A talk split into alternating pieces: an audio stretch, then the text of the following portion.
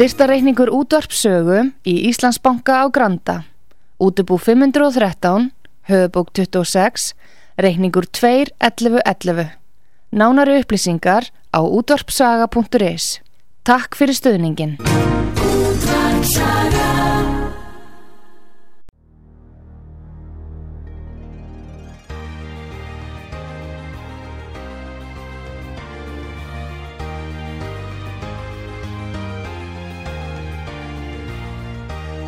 Heimsmálinn í umsjón Pétur Gunnlaugssonar.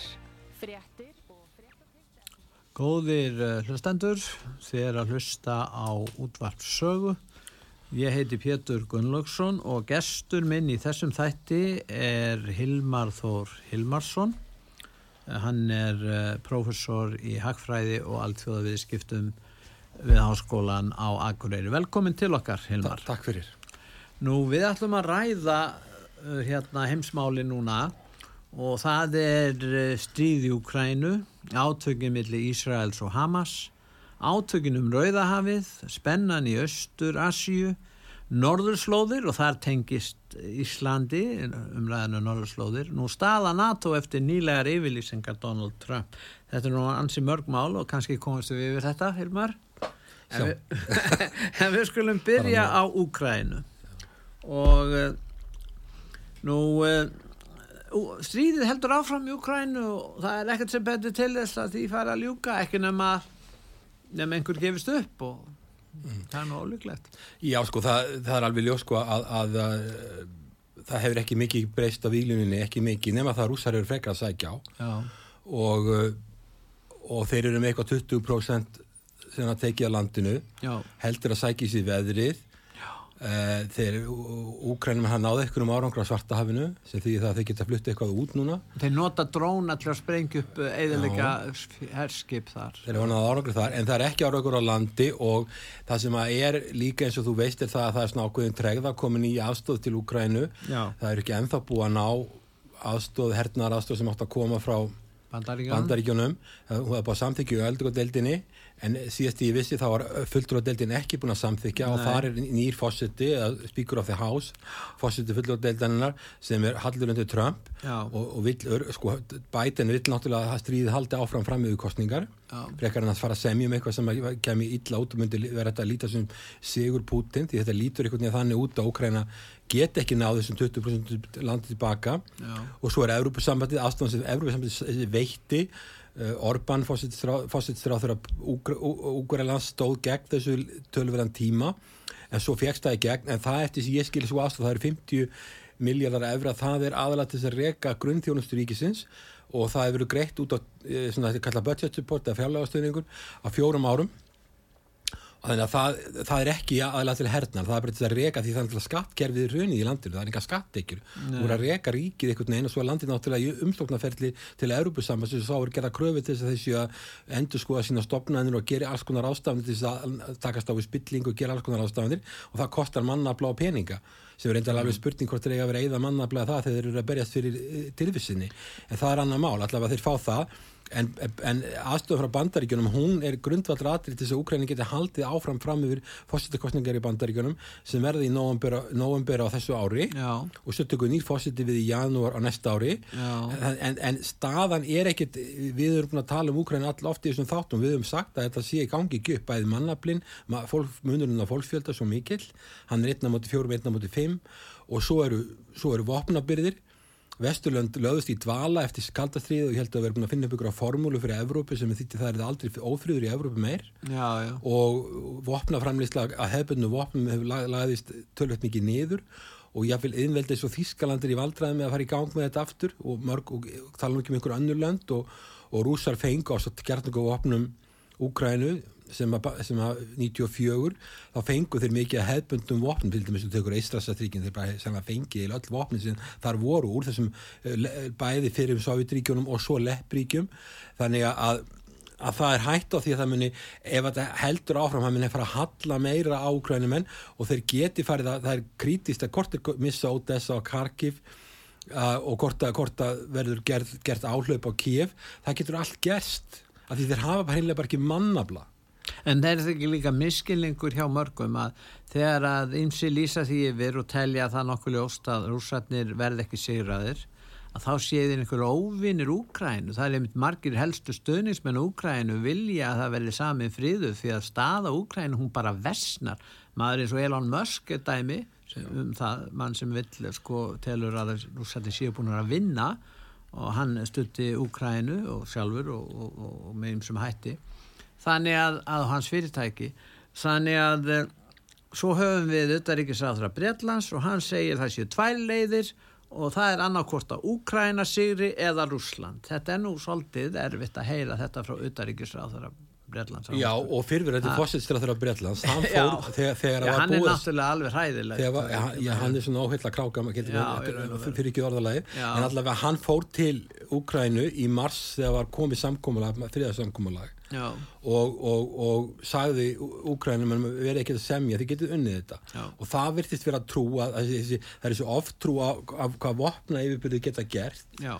og auðvitað hafa rúsarnir hérna auðvitað hafa F-vesturlöndu hafa fullkomnar og vandari og fullkomnar í vopn en rúsarnir hafa, magni skiptir líka máli rúsarnir hafa mjög mikið magn frá fyrir Sáfjörðuríkjónum og svo hafa þeir fengið digganstuðning frá Íran sem er búið að vera lengi að undirbúa sundi stríðið Vesturlönd og svo við það bætist að þeir hafa verið að fá mikið af vopnu frá Norður Kóru sem er búin að vera að framleiða vopn í hérna 70 ár frá því að Kóruðistriðinu laug síðan 1953 og, og þá eru þeir að fá eldflögur sem er kallar döm sem eru svona bara eldflögur sem að fara bara einhvað, það er ekki, það er eld ekki svo gott markið en ef það þarf að skjóta það niður þá, þá kostar það dýr vopnar Vesturlöndum.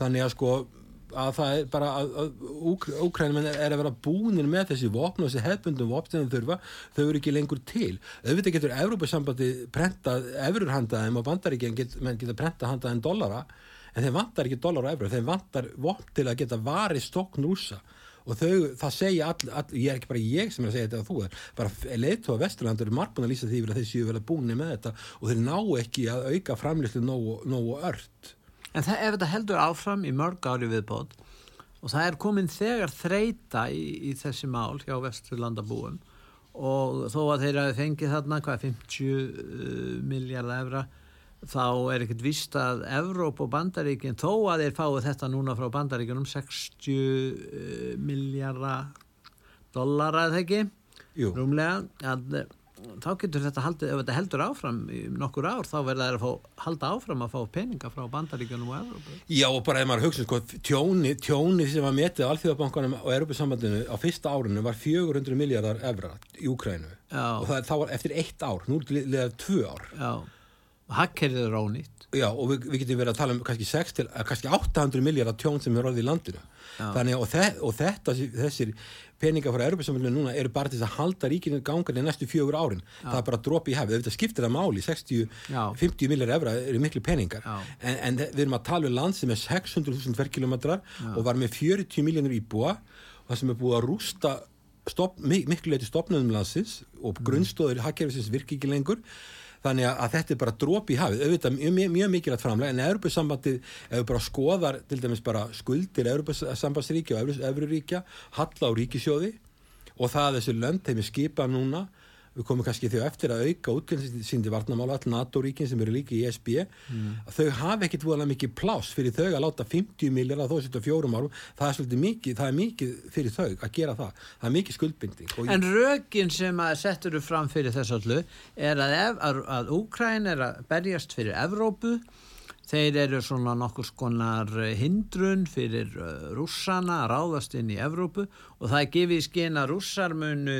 ráðast á NATO-ríki, sérstaklega Ísraelslöndin sem eru öll NATO-ríki og Finnland sem eru öll NATO-ríki og Póland náttúrulega sem hefur verið NATO-ríki, að uh, þeir munu ráðast á þessi ríki og er þetta svona samfærandi rög? Hvað finnst þér? Ég, ég, bara, ég, mér finnst það út í hött að rússar fara að taka áhættu á, á heimstyrjöld að fara í, að ráðast inn í NATO þar sem að, að þrjú NATO-ríki eru jú kjarnorkuvætt, Bandaríkin, Frakland og England.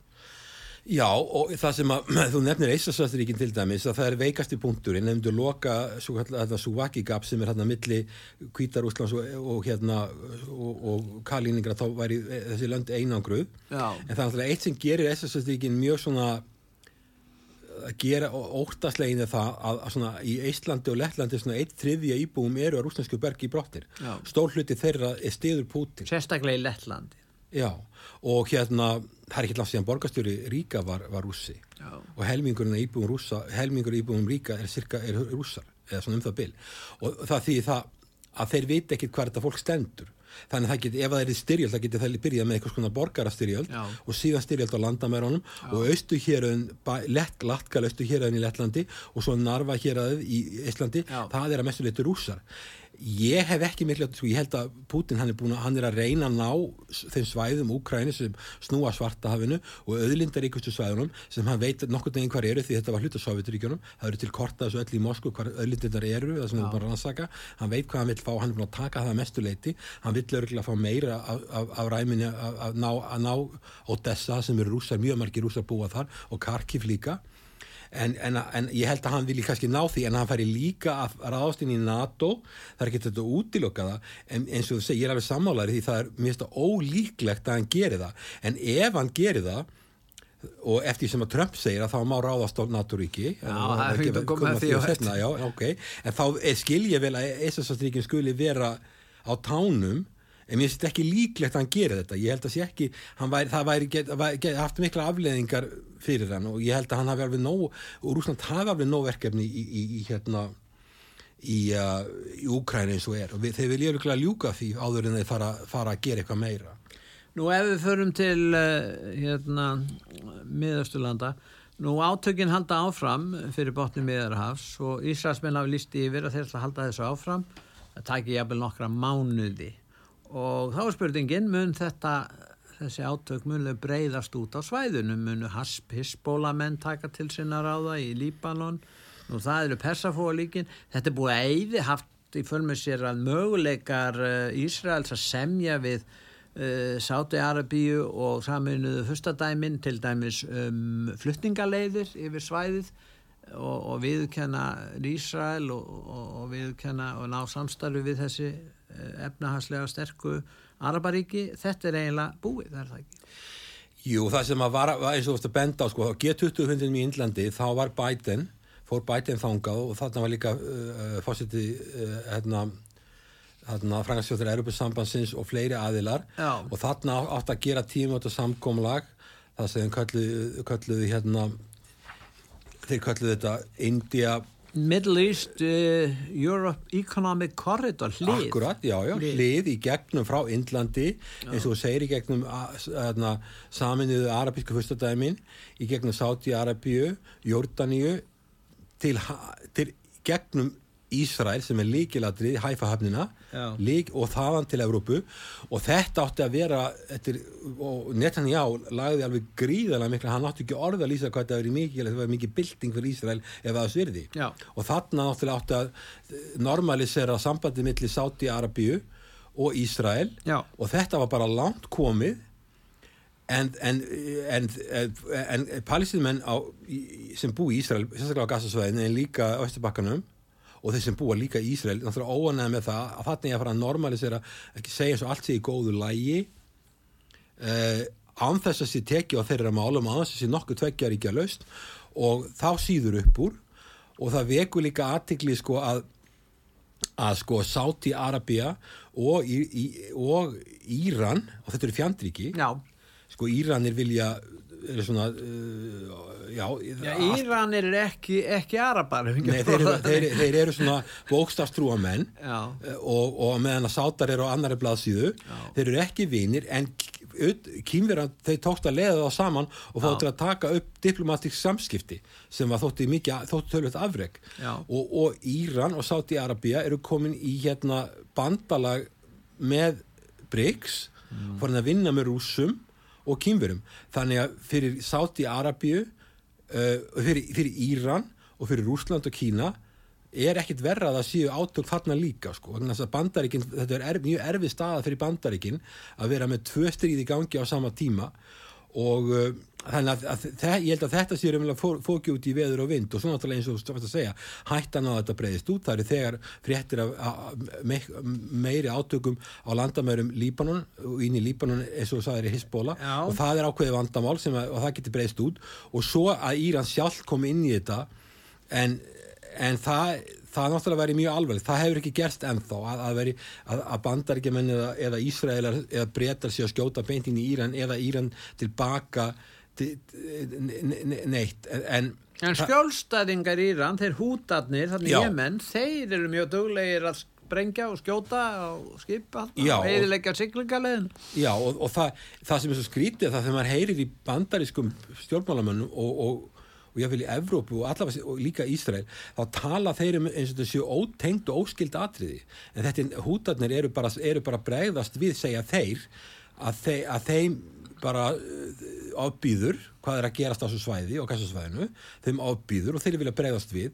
Þeir geta, það, það, þeir geta ekki gert eldflög árás á á, hérna, í, á Ísrael beint að tvennum ástæðum, þeir eru ekki með eldflögur sem draga, þetta yfir 2000 kilometrar Já. og svo fyrir utan það þá þurftu þeir að skjóta eldflögunum yfir Sáti Arabíu og það er, það er nýlega komið, komið á vopnalíða millir Sáti Arabíu og Jemen.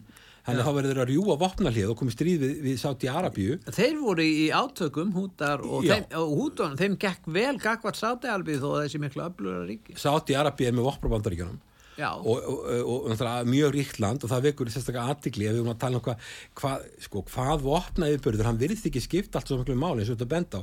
Jemen er, er ekki með fullkomi vopn. Nei, mjög, ódýr- mjög fátakt ríki og í raun og veru komið stutt á þróunabrautinni í teknilegum efnum. Já, þeir, en þeir hafa baráttu vilja Já. og þeir fá vopn frá, frá Íran sem Já. eru ódýr Já. og þeir eru tilbúin að berjast og það sem þeir gera það, þeir vita náttúrulega að þeir eru við, viðröið og hafið þeir eru alveg við lík, líkil aðstöðu að geta lokaröið hafinu Mm. sem því það að skipafélag sem er að fara þetta í gegn annarkot þurfum við að borga tryggingigjald sem er svona tífalt raunverulegt tryggingigjald eða sigla fyrir hotna Afríku, góður og vannar höfða Já. sem er miklu lengri siglingarleið og mikil kostnaður en þetta getur haft mjög alvarlegar afleðingar og sérstaklega fyrir Evrópu flutningsleiðin að lokast í kennum súiskurðin út af þessu máli Og nýja flutningarleiðin þessi India Middle East European Economic Corridor er ekki orðið veruleika. Það, hún er fórin út á kortinu Já. Sáti Arabíu var, var að lýsa yfir því að hvað, er, því, hvað er þetta gerast til þess að þeir myndu viðkenna Ísrael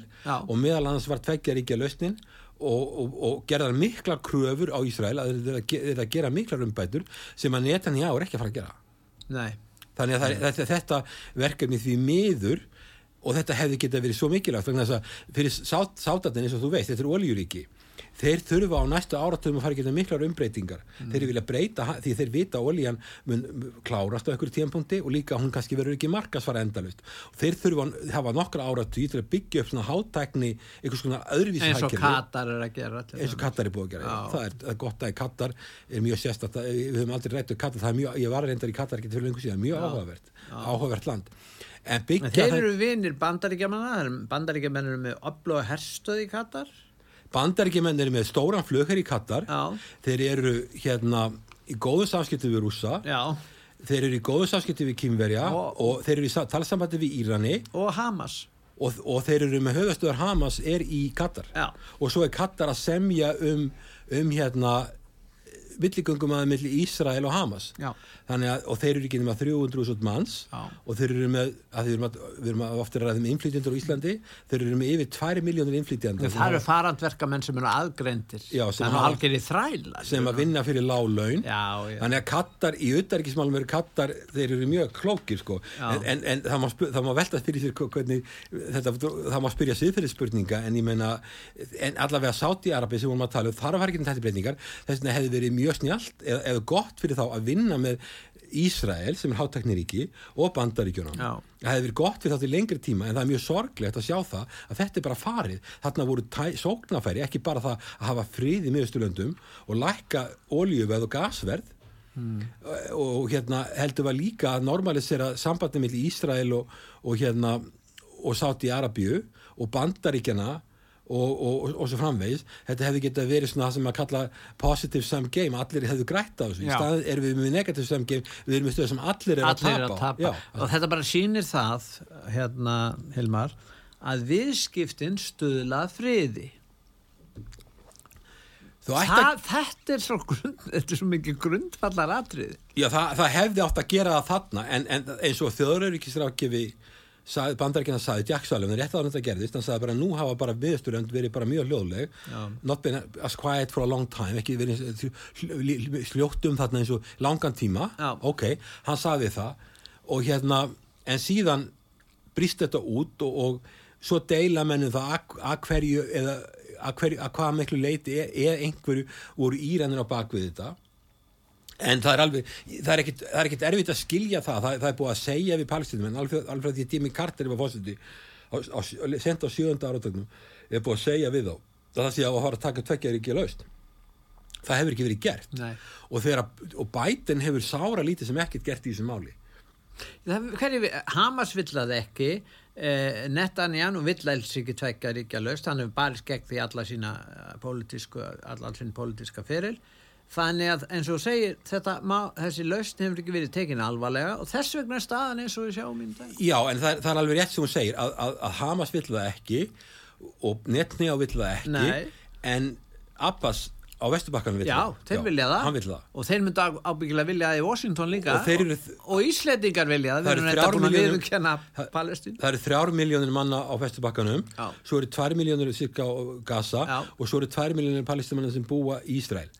Ef að þú ætlar að taka upp eitt stór Ísrael eins og Netanyahu vill, það gengur ekki upp. það þá- þarf að fjallæga Palestínu Já, þú ert komið 7 miljónir manna cirka sem eru ísraelski gyðingar í Ísrael Já. og svo ertu með cirka 7 miljónir palestínu, palestínu, palestínu uh, manna Já. sem búa á Vesturbakkanum, Gaza og, Ísrael og að því þeim eru yngri og þeim fjölgar hraðar, þeir eru með hærri fæðingatíni, Já. þá verða palestínar bara komin í meiri hluta þannig að þú ætlar að hafa líðræðisríki sem bandarækjumenn tala um að þurfa að vera Nema ætlar að fara að reka aðskilnaðastefni eins og í Suður Afríku eins og hún var í gamla daga.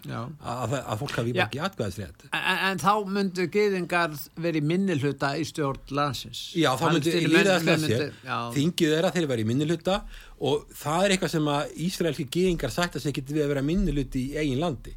Þannig að þessi, þessi einstrykja laust, hún gengur ekki upp nema þá allir að fara að apar- apartheid state, aðskilnaðastefnu og ég sé ekki hvernig það, það getur, hvernig getur vesturinn stöð það, skilur, það gengur Þess ekki upp. vegna tala menn fyrir tveggja ríka laust. Já. Og það sem er núna að það sem að Palestína fer fram á, þeir sem það vilja, að þeir haldi 22% af Palestínu upprunlegri. Og þannig að það er góður samningu fyrir Ísrael, þannig að þeir skulle ekki bara vilja taka því. Já, það sem að, sko, við, erum að kannski gera greinimenn á Ís, við tölum um Ísrael og, og nú er þetta ríkistjórn. Já. Sko, nú er þetta, augamenn í nú er þetta ríkistjórn, vilja, sko, nú er verið að tala um það Íslendingar að fara að sækja palestínumenn. Já, já, við heyrum það. Það sem að, það sem að, það sem að, það sem, ég er sagt að augamenn í Ísrael, þá er ég ekki að tala um alla ísraelsku þjóðina. Ég er að tala um ákveðna augamenn. Þeir vilja herja þannig á gasa, gera ólíft og, og, og losa sig við íta mönnum Palestínu. út, út, einu landamenni sem er að gasa fyrir utan Ísrael, nættið svo þú veist er Egyptaland.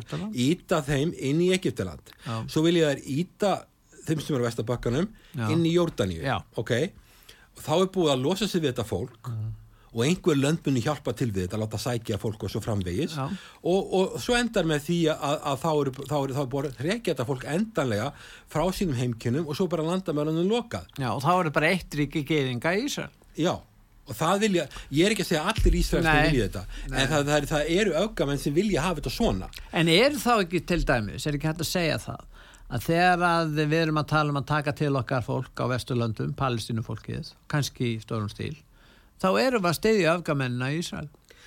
Sko, Þetta eru heimkynni þeirra, þetta eru heimahagar þeirra sem eru í, í Palestínu. Já, Þeir hafa búið þetta forfiðu þeirra. já, Þetta er ekkert öðru vísi. Þeir vilja þá, eins og þú segir, öfgafulli, þeir eru í ríkistjórninu þessar öfgafullu hérna, geðingar sem þú ert að tala um. og, og, og, og að við, þeir bara ánæði með það að Evrópa taki við þessu fólki Þeir vilja losna við þetta fólk. Já. Það er alveg á hreinu. Og þe- ég- auðvitað er, er, er, er stjórnveldum eins og hér á landi vorkun, þetta er alveg hrikalegt ástand, Já. fólki í nauðusta Já. og, og, hérna, og það er verið að reyna að hjálpa. Já. en bara vandamálum í Ísrael er að Ísrael hlustar ekki á neitt nema bandaríkin ekki heldur þá vegna þess að þeir bandaríkjumenn vilja núna, þeir vilja tveggja ríkja laus, segja þér og þeir vilja vopna hlje til að bjarga þessu fólki hérna í síðsta hlutanum en Ísraelsmenn eða fórstisrára allar, allar að vera það vettu í og hefja árósi núna næstu dag Já, en það er alveg rétt, en hins vegar, sko, þeir hlusta eitthvað á bandaríkjumenn, en, en bandaríkjumenn hafa aldrei verið tilbúin að beita Ísraela neinum alvarlegum þrýstingi og vopni sem erum að nota, þess að 2000 punda sprengjur sem erum að henda á, á Palestínu núna, Já. þær koma frá bandaríkjunum. Já. Þannig að sko, vopnin koma frá bandaríkjunum. en það er bannað samkvæmt bandarísku lögum skils mér að senda vopn til landa þar sem að er að Já, en, en ég held Að að beita því engi, engi vafa á því að mesta vopnum sem Ísrael er að fá vopnastunningi Já. kemur frá bandaríkjum þannig, að- þannig að sko bandaríkin hafa talað fyrir tveggja ríkja, laust Biden talað fyrir tveggja ríkja laust mm. en það hefur verið búið að lítið um framkvæmt Já. og það er alveg rétt sko Ísrael, Ísrael að fara sínu fram en vopnin koma þegar vopnastunningi kemur frá bandaríkjunum og þannig að eina landi sem getur leist þetta mál er ekki Evropasambandi Nei. og er ekki neitt, það, það eru bandaríkin sem geta leist þetta mál já, ef það er eitthvað sem getur leist þetta mál já, ef, ef að Ísraels stjórn vil hlýða þeim að þessu leiti eða fara Já, eftir en svo ætla ég bara að segja það ég hef, ég hef auðvitað viss að samum í Ísraelsmennum ef þú tekur Ísrael Já.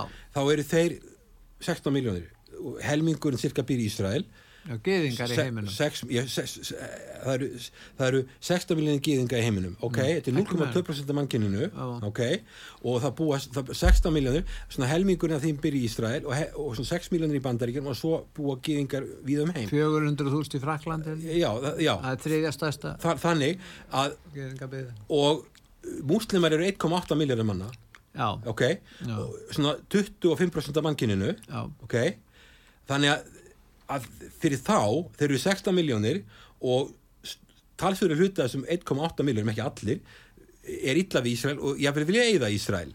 Mm. hugsaðar ef við erum hérna 400.000 manns eða væri ykkur þjóðir í heiminu sem væri 40-50 miljónir sem vildu eigða okkur eigða okkar ríki og eigða okkur. Myndi ekki skapa pressa á okkur?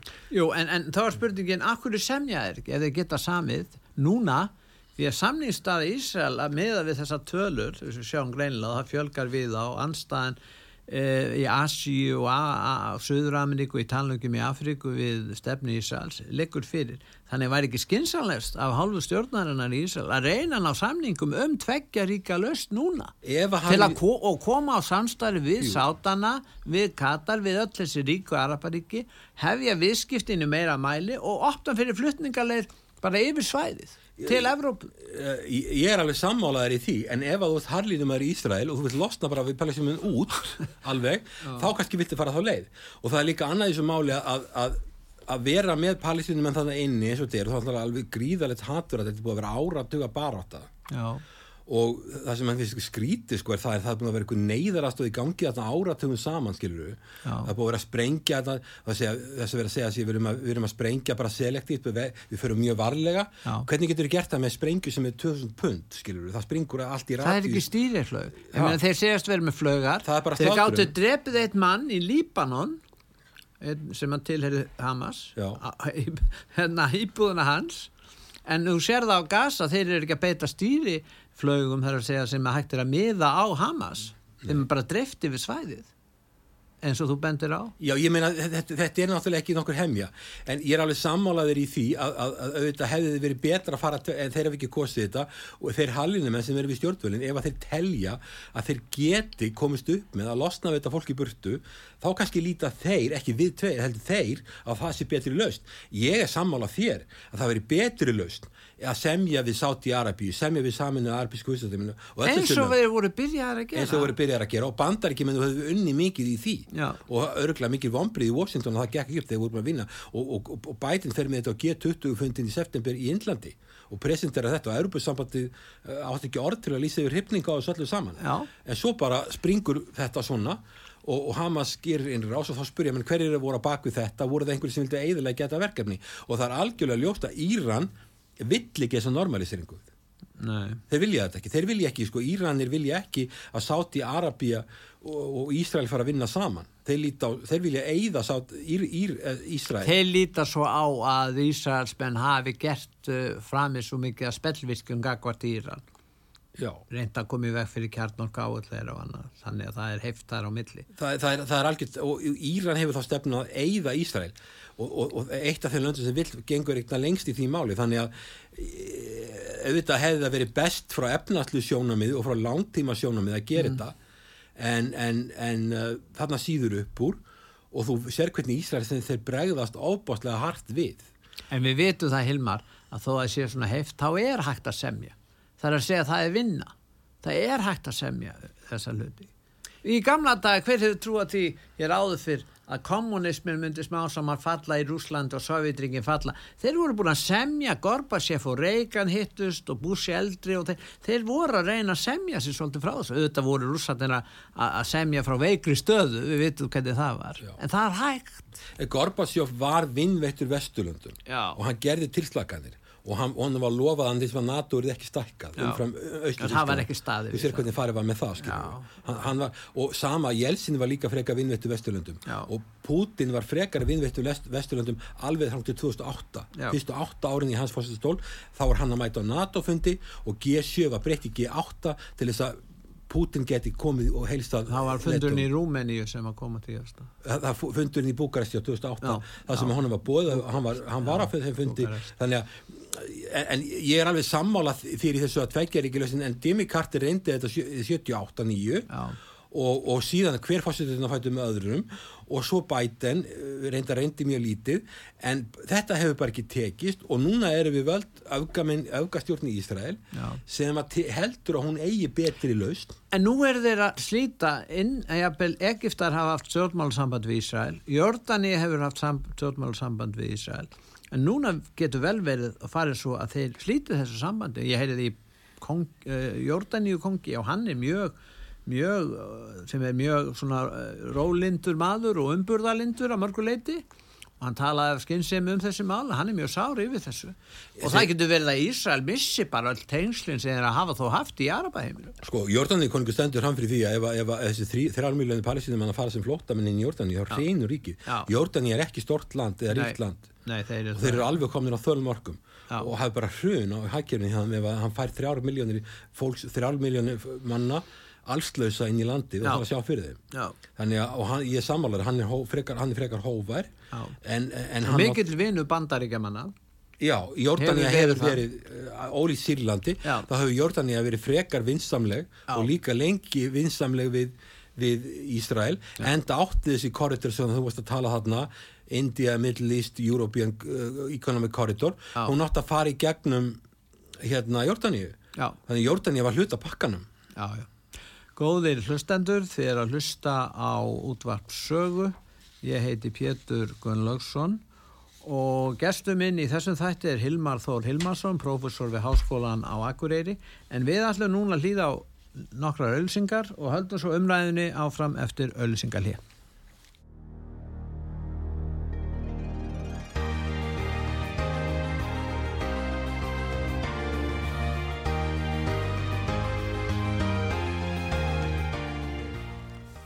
Góðir eh, hlustendur, þið er að hlusta á útvarpsögur. Ég heiti Pétur Gunnlaugsson og ég er að ræða við hann Hilmar Þór Hilmarsson, hann er prófessor við Háskólan á Akureyri. Nú Hilmar, það er eh, núna spenna, heilmikil spenna það í, í Östur-Asíu og menn kannan tala um uh, hérna tilkall Kína eða pekingstjórnarina til Tævan að það skapi spenna. En það er ekki síður spenna á Suður Kína hafi út af siglingaleið Já, já, það er það sem pyrjar Kína núna er, er, er til dæmis Tævan það er verið að senda hátt þetta diplomata bandaríkina til Tævan og, og Kínverjum finnst að það sé verið að storka þeim og gefi skina Tævan til sjálfstætt ríki. Og svo er eins og bendir á deilur í söðu Kína hafi um siglingaleiðir. Kínverja náttúrulega, Kína er náttúrulega útrúttistriðið hagkerfi sem þar mikið plás og þeir hafa mikla ágjör siglingaleiðum og þeir þurfa að fara í gegnum hérna, svo kallan Malaka Strait gegnum Indonési og framhjá með Hvað myndi gerast ef það er loka fyrir þá? þá myndi verða fljótlega geta orðið oljuskortur í Kína eða því að þeir fara tilbaka með, þeir, fara á, sæ- þeir fara með vörur í gegn um þetta Malaka Strait inn, inn í Evrópu og Norður Ameríku Já. og svo taka þeir olíu í gegn frá persaflóðunum í gegnum sömu leið og ef þessi leið myndur loka skætur olíuskortur í, í Kína eftir skamman tíma En nú er Indonesia að verða öflutt efnaðsveldi í framtíðinni. mjög Það er líka fjölmendriki, 350 miljónir Já. og síðan höfum við Malasíu sem var nú í, í góðum tengslum við Bretan á sínum tíma. Þessi ríki gæti snúist gegn Kína. Já, svo líka er, er, er Þú manst eftir því að þeir drápu kýmjarska kommunista í Indonesia á sínum tíma. svo gætu, svo gætu, svo gætu indiski sjóherrinir þarna Já, og bandariski, Já. þeir gætu lokað og. Japan gæti komið inn í það. Þannig að sko, öflugan sjó. e, þe- þetta er eina ástæð við komum kannski að því að þess vegna er, er, er, er, eru kýmverjar að leggja vegi allstaðar, til dæmis þverti við Pakistan til að komast fram hjá þessu Já. þeir vilja, er að reyna að semja við tælendinga Mm. að búa til korridor hjá þeim, í gegn hjá þeim til að losna við þetta Já. og þeir eru náttúrulega líka að tala við Putin um norðurslóður Já. þannig að þeir eru allstaðar að reyna að finna leiðir. Þetta er land sem hefur vaksið 7% á ári það er reynda að fara að hægja á sér núna síðustu áratögi 7% á ári að því þeir eru að hækja við tvöfattast í stærð á 10 ára fresti. Já. og þetta er fyrst og fremst byggt á útflutningi. Og, og þeir, þeir, þeir, þeir finna bara örgulega tilfinninga sé að kapna þeir kom ekki vörunum frá sér. Já. þeir, þeir, þeir finna ekki leiðir og þeir eru óttastleiknir að, að hvað þessi leið þessi aðarleið, þess að meil allt fyrir í gegn henni verður bara að loka, þá verður þeir oljulausir og, og það sýtt að slökk á hækjörnum í það ef það er því átök þarna.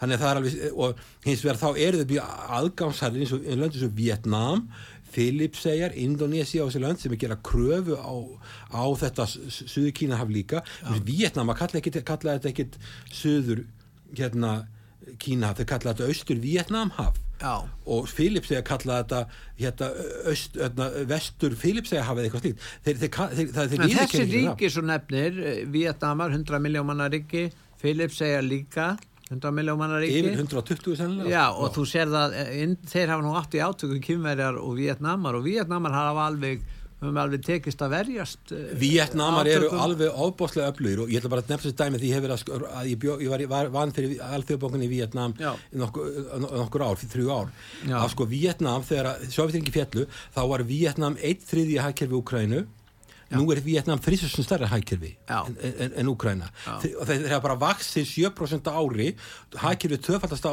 áratu og frétta menn Úkræna hefur bara hrunið. Og, og þeir eru með hérna 100 miljónum manna, þau voru með eitthvað 65 miljónir eða Sovjetríki fjallum og 100 miljónir. Já.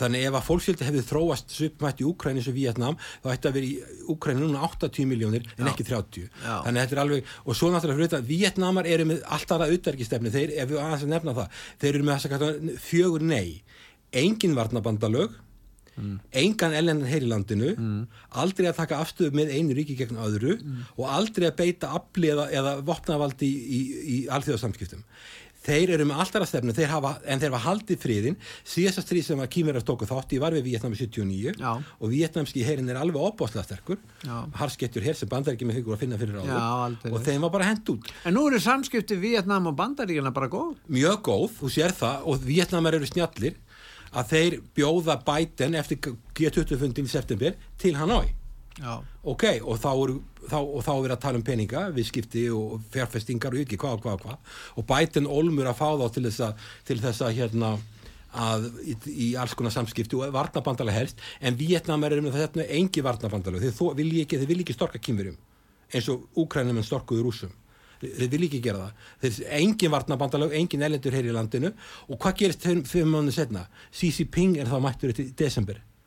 Og, þá er hann að bjóða líka og kýmverja að spila á stórveldin og fá það besta sem þið geta fengið úr báðum En þess vegna er nú þessi til dæmis áhugi kynverja á norðurslóðum og siglingaleiðinni þar og auðlindum vegna þess að þeir vilja tryggja siglingaleiðis. Er, og þá er náttúrulega má segja að, að barallan sé fælin að tengjast ná- nálgast okkur hér á Íslandi. Já, kýmverja skilgar en þessi kallar nýr Arctic State Já. og þeir vita það að með við strandleikju að komast frá Valdi Vostok yfir til Múrmansk, alla þessa leið með skipaleið, að þá gera þeir það ekkert nema í samráði við rússa. Já. og rússar eru búin að vera að vígvæðast þarna mikið og þeir eru konið með fljótandi kjarnokustöðar bara fyrir framlega ramagn þeir eru með kjarnoku þarna. Og þeir eru að ebla sín hér þarna mjög mikið, þarna er að losna gríðarlega miklar auðlindir og þetta eru mikilvæga og og rússarnir þurfaðum að halda uh, vegna þess að bara vegna þess að búta auðaríkisviðskiptum þeir vantar galderi og þeir, og þeir vantar peninga til svona viðskiptum Kynverja þurfa á rússum að halda út á norðurslóðum. Já, kynverja rússar opna dittnar fyrir það inn í norðurslóðunar þannig að þarna þarna er, er að myndast mikilvæg tengslu og auðvitað er, er þetta eina afleðingin af því að að vera í, að hafi ekki getað samið eitthvað frið við rúsa eitthvað bara Putin fara inn í NATO en að vera í átökum við rúsa, þetta þýðir það að við erum með kynveri á rúsa að vinna saman þarna og, og það er ekkit gott fyrir okkur því að svo eru við komin í leiðindi við rúsa. En er þá þróun mála í sambandi við viðræður um norðurslóðina og norðurslóðir? Það liggja niðri út af þessu, það eru skandinavisku ríkin við Norðurlöndin sem eru þarna e, eigum hagsmunagæta og svo bandaríkin og auðvitað Rúsland og Já. liggur þetta þá bara niðri ég, ég meina Ólafur Ragnar Grímsson er ekkert að heimsækja Moskva núna Þetta samstæðar liggur niðri og þannig að það er viðskipta bann en til lengri tíma liti þá sko það verður ekkert gert að nema með samningum og, og, og hérna þarna er að koma auðlindir í ljós og þarna er að semja um hafriett og rúsalega En ef átökin í Úkræna halda áfram næstu árin þá kemur það í vekk fyrir að, að menn geti farið að, að hérna að vinna í þessu málu sem þú ert að lýsa? Já, frá efnastu sjónum svo getur líka bara átökarna og, og hérna þá er það ekkert gott fyrir okkur þá fær átökin að færast nær okkur. En ég menna þetta er bara afleðinga stefnunni að, að, að, að það er við er, Vesturlandi er í stríði við rúsa og, og, og kynverjarnir sjá það þeir nýta sér þetta og fyrir þá er, fyrir þá er fínt að þetta Úkrænins í sig í gangi fyrir kynverjarna það er fínt fyrir þá, þá dreigast aðtegli bandaríkjana frá Östur-Asju til, til, hérna, til Evrópu og svo núna miðausturlanda. Og svo þarna og þarna getur kynverjar verið að vinna með rúsum haft aðganga auðlindum og síklingaleiðum út á, út á deilur okkar við rúsa þannig að þetta er, þetta er ekki sko hagfræðilegu sjónamiði skinsamlegt en þetta er pólitist og örgilt mál En fyrir heimsækkerfið væri þetta langt best að samninga næðist í Ukrænu og fyrir botni meðarhafs svo þessi viðskipti gætu farið að hefjast og hægt var að fara að byggja upp þessi land. Ég minna til hvers að standi í þessu, þegar mann hugsa til þess þá er verð að gera úlvaldum íflugu í samanburðu við þann ávinning sem fengist af meiri viðskipt. Getum við ekki sagt það? Jú, ég er alveg, alveg sammála því. Þetta er náttúrulega mjög miklir hagsmunir og, og við, hér hefur þetta mál komið upp til dæmis endaði enda endaði með því að auðverkistráðurinn hérna ákvaða að loka sendir á Úsland sem engum öðrum, engum öðrum datt í huginu nokkur NATO-ríki eða ESB-ríki og við erum að skella á nefi á rúsum rúsar hafa, auðvitað er þetta alveg algjör hörmung hvernig þetta úkrænumáli er og, og, og náttúrulega átti Putin ekkert að gera þessi innrás og þetta var náttúrulega við erum að segja um þetta sé ólöglegt og þetta sé við fordæmið þetta en við þurfum að vera í talsambandi við rúsa út af ef áþára að halda vegna mikill af efnahagshagsmunna og viðskiptahagsmunna það tók nú bara hérna 70 og 74 ára að færa út landtilkynna í 200 mílur. Við erum með stóra efnahagslöksögu við eigum alls konar réttind á þessu svæði Já. og landið sem hefur mestan rétt aðna og er búið að vývaða sennilega mest allar á þessu svæði, það eru rúsar Já þeir eru konum með fljótandi kjarnakustöður og þeir eru að byggja sig upp Já. og kýmverjar sem er orðið annarkot næstæsta eða sangat á jafnverðisk ekki stæsta hækir við heimi en með þeim aðna. En gæti ekki nýr fórsiti bandaríkjana sé hagsmun, ég meina telja að hagsmunum bandaríkjana sé best varðin með því að hafa góð bara samskipta aftur við Rúsland? Til lengri tíma liti, mm. það getur vel við að þurfa að fara að stjórnarskipti í Rúslandi, ég veit ekki, þannig að komi alveg ábúst til spenna það og svo vitum við ekki hvað verið fósitt í bandaríkjana eftir kostningar, það, þarf, það þurfa að vera eitthvað stjórnarskipti, það þurfa að vera breytingar. En við vitum það að sko bandaríkjumenn vita vel um þetta mál og Donald Trump reynda að kaupa Grænland. Já. Að því hann, þeir eru búin að átta sig á þessu. Og á, líka við erum að tala um Trump sem að, sem að hvað hann gerði. Hann sendi hérna sko Pence að vara fyrst að hingað Já.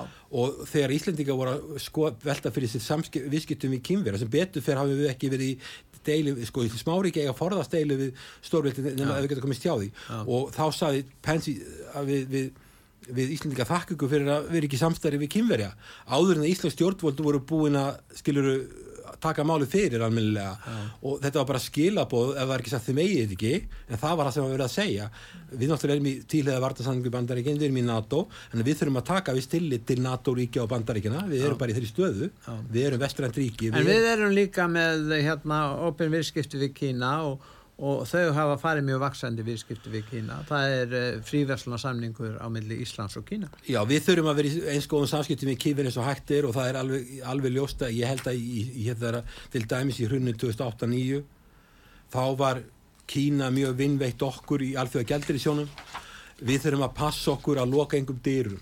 Og, og hérna auðvitað vona mér að ástandi og ég sammála að, að þessi stafa á norðurslóðum er óviðunandi frá efnarslu sjónamiði en þarna eru pólitísk mál sem þælast fyrir og svo stríði Úkræni þannig að allavega í bíli þá er þetta, er þetta frósið og þetta getur orðið átakasvæði.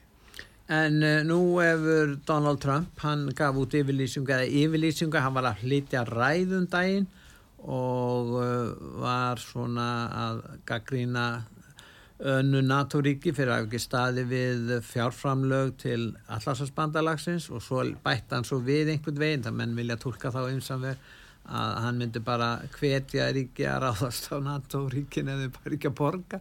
Þetta var náttúrulega ótrúlega yfirlýsi Þetta er mjög sérstatt sko að segja ráðast á ríki sem ekki uppfyllega hérna, hérna, það, sko, það er 2% af verkefni landsfæramessli til varnamála sem er, sem er formúlan sem þeir eru að nota. Já. og ef við skoðum þetta þá er Danmörk með 1,6 upplýsingum frá NATO nýjast upplýsingum sem ég hef Já. með 1,65% og Noregur sem er með Norðurlanda með yfir Úsland með 1,67% það er þessi tvö ríki, þau uppfyll ekki kröfunar þannig ef þau, ef þau aukast ekki þá er, þá er hérna komið bóða ráðast á þau. Eistrastastríkin er öll búin að uppfylla þetta og Finnland. Mm en, en við erum hérna með tvöland og Ísland náttúrulega fyllir þetta ekki. En mjög, við erum ekki með hér þetta er mjög, þetta er mjög glannaleg yfirlýsing hjá honum.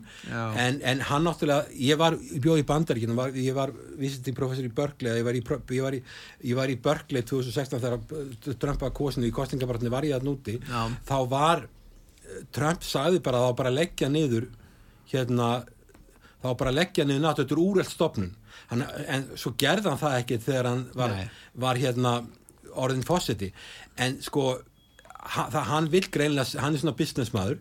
Þú getur tala svona í viðskiptum en í öryggismálum, allt er mjög eldfimt þá verður að fara uh, miklu varlegar. En, en, ég... en í raun og veru þegar hann tala um þessu úreld NATO var stopna alltaf verjast uh, yfirgangi og útenslu stefnu kommunista og sérstaklega frá Sovjetríkjunum þegar að Svefindríkin sinja og Östur-Európa var ekki þá bara ástæð til þess að leggja NATO-rík eh, niður, ég menna það er alveg rauk fyrir því. Já, já, það er alveg rauk Þannig að í staðin fyrir að halda þessu áfram já. Eh, þennja þetta út sem hefur átt þátt meðal annars í því hvernig viðbröð rússan hefur verið í Ukræn Já, það er sem ég vilja nefna við því, sko, þegar bandar 1949, þegar bandaríkin eru leiða NATO bjóða Íslandingum til að koma að þinn 49, þá voru 12 ríki og bandaríkjum voru svona 40% af heimsækjörnum á þeim tíma, þetta skömmu eftir setni heimstjóli þannig að Evrópa var ennþá ja, og Japan var í rústa mestuleiti ennþá. Já. og 40%, nú er það kannski bandaríkjum svona 20% eftir hvort þú reiknar jafnfyrirsgengi eða, eða nú gildir þetta vel 20% uh, og, það, og, það, og við Íslendingar og önnurlega það var að tala um open door policy. Nú eru 31 ríkið enninni og það verður opaslega dýrt fyrir bandaríkin að vera fórusturíki sem á að vera svona reglíf yfir allt þetta. Tala ekki um því að Úkræna komin inn. Það er alltaf verið að stækka þetta og stækka þetta. Á sama tíma bandaríkin að minga hlutfalli, ekki absolutt hlutfalli sem hægir við, miklu minna hlutfall. Og bandaríkin eru orðið mjög, orðið mjög upptekinn í Austur Asju og þurfa að fara að einbeita sér henni. Mm. þannig að sko þegar hægir við hlutfallega minna NATO alltaf að stækka og stækka og stækka. Og svo að Að af, af því að hann náttúrulega fer með peningamál á stjórn í bandaríkjónum hann er ekki að skipta sér að ríkisfjármálum. Það, hann er yfirlt ekkert en hann er farin að tala um ríkisfjármál. Hann er farin að segja að ríkisfjármál bandaríkjana til lengri tíma séu algjörlega ósjálfbær Já, vegna skulda.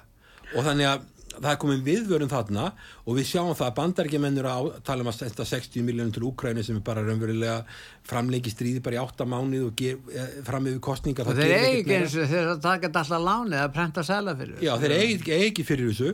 Þeir eru með ósjálfbæðar ríkisfjármál.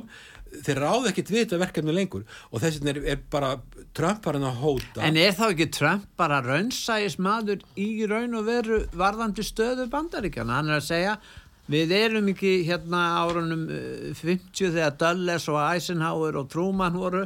Við erum eh, í allt annar í stöðu og við verðum bara að snýða stakk eftir vext. Já, ef þið segðu það svona. En hann sagði, ok, ég, það er ekki bara ég ætla ekki að verja ykkur sem þýr artikul 5 garantí sem er horfsteitt varnabandalansins, árás og einnir árás og alla. Já hann er búin að afnema það og henda því út í ruslið því margir hafa spurt, þetta artikul 5 garanti myndi það halda, artikul 5 garanti hefur ein, og hann sagði líka Evrópa hefur aldrei komið okkur til hjálpar og myndi þetta gera það, artikul 5 hefur einu sinni verið virkjað, einu sinni og það var þegar var ráðis á týpur og tundan í New York Var, hann, hann kannski maður gleyma því. Það, voru, var ráðist á bandaríkin. Já. og þá var ráðist, var ráðist hef, fóru NATO að hefna sín á Afganistan Já. það sem Osman B. Laden var talin verið, hann var reynda svo í Pakistan. En það var ráð og þar voru eins og Eistralsaltríkin, bláfáttaglönd þau voru að loka hjá sér skólanum í hrunum 2009 loka hjá sér spítulum, loka skólum. Það voru þau að hjálpa í ára sína á Afganistan vegna þess að bandaríkin artikul 5 garantí í bandaríkjunum. Þannig að bandaríkin, bandaríkin hafa hérna verið uh, þeim hefur verið hjálpað þó mm. Trump sé kannski búin að gleyma því. En, en, en að segja ekki bara það artikul 5 sé búið þar að segja að hann ætli ekki að hjálpa til að verja af Evrópu heldur svo bætir hann við að það megi ráðast á þessu lönd. Og þá er hann að tala um Danmörk og Noreg og Noregur er það land sem Jens Stoltenberg, hérna frangatstjóri NATO, já. er frá Noregi. Þannig að bregst ókvæða við. Og þetta eru ríklönd sem er að kaupa mm. mikið á oknum frá bandaríkjunum.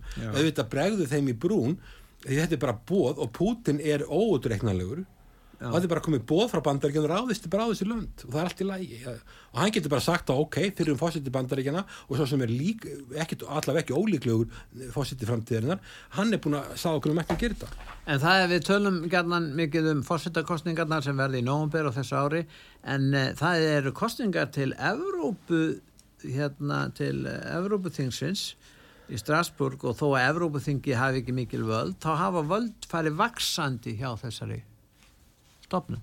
Já. Og nú er spáð því spáð að flokkar, svona populíski flokkar, sem sömur kallaðir öfgaflokkar, það menn nota ólíkna, að þeir náið þarna miklu sterkari stöðu og verði með kannski, já, eitt þriðja af, af, af styrk og svo munu íhaldsflokkarnir fara með þeim og mynda meiri hlut og það því að það verður nýrvæntala framkvæmdastjóri Európa Samfansins skilur, það eru breytingar það stingið, sko, fyrir svona tíu árum síðan að 20 og það hafði þingið enga þýðingu, en núna, núna, núna hefur þetta breyst Já. og nú hefur þessar breytingar í Evrópu.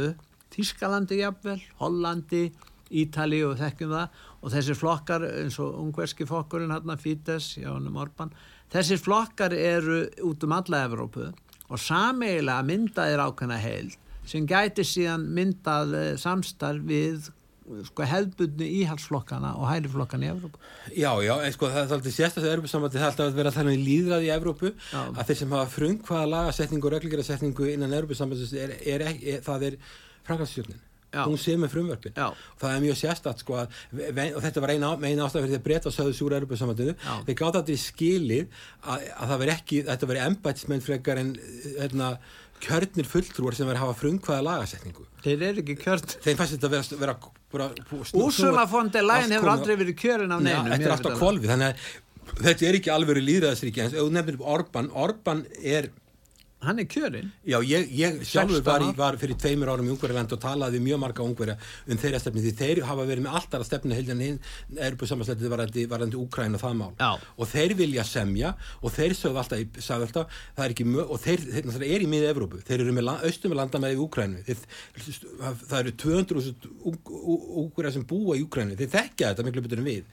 Og þeir sögðu þetta er útilokkaður minni vinna þetta, það er ekki séns þeir, muni, þeir eru miklu færri, þeir hafi ekki vopni til þess, þeir muni, hafi, þeir muni ekki halda þetta út. Og það sem þeir er að segja er alveg rétt, þeir eru raunsæðismenn ég er engin talsmaður Orban, mér finnst margt í hans málum, mannriðtindamálum og annað vera, vera mein gallað, já. en ég held í þessu stríði, þá hafa þeir verið raunsæðismenn og hann ótaðist það að þessir 50 miljardar sem, sem að er að fara í budget support til Ukrænu, þú veitir aldrei, sko, ég hef sjálfur inn í budget support fyrir, fyrir Eisarsaltríkin og fyrir Vietnam og þú veitir ekki svona aðstofnum með til landa sem eru með stert fjármálakerfi og mikið eftirlit með, með fjármunum. Í Úkræni er ekki stofnum þar eru alltaf til lengur. Mm. þannig að líkvöldun að því að þetta fari í spillingu eru, eru mjög háar. Já. þú veitir ekki budget, svona, þú skrifar ekki blank tjekk á löndum og lönd sem, er, sem að geta raunverulega fylgst með hvað er að gerast en þeir að koma hvert spillingamáli upp á fætur öðru þar í landi. Nú erum við búið með tíman, Hilmar Já, við, ekki, þetta er kannski ekki positívar góður endir en við þurfum að tala um alvarleg máli hérna. Við erum að gera það, Já. Hilmar Þór eh, Hilmarsson, eh, prófessor í hagfræði og alltjóða viðskiptum við Háskólan á Akureyri. Þakka þið fyrir að koma til okkar Takk fyrir. og ég þakka hlustendum út var sögu fyrir að hlusta, verið þið sæl.